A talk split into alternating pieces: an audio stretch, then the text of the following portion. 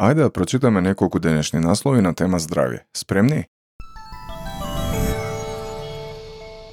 Француски лекари откриле досега непознати последици од коронавирус, од тромбоза до оштетување на мозокот, со извичник на крајот.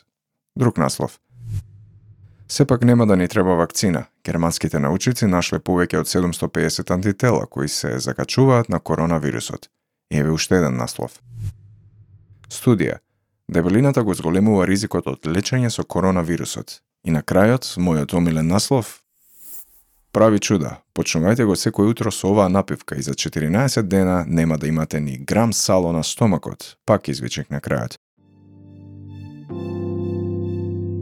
Што мислите? Дали ваквите наслови навистина нудат сериозни одговори за сериозните прашања кои ги обработуваат? Или пак не? Во оваа епизода од Наука за сите подкастот, гостинка ни е Билјана Мојсовска. Таа е авторка и е дел од нашата иницијатива веќе подолго време. Инаку Биби е доцент по органска хемија и микробиологија на Универзитетот Роскилда во Данска.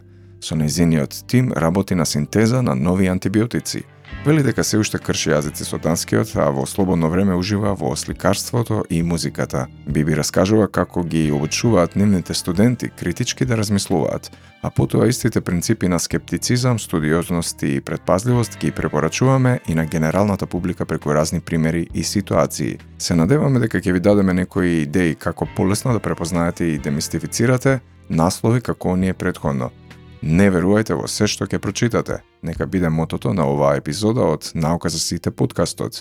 Јас сум Атанас Кириаковски и се надевам ќе ви се допадне разговорот. Уживајте.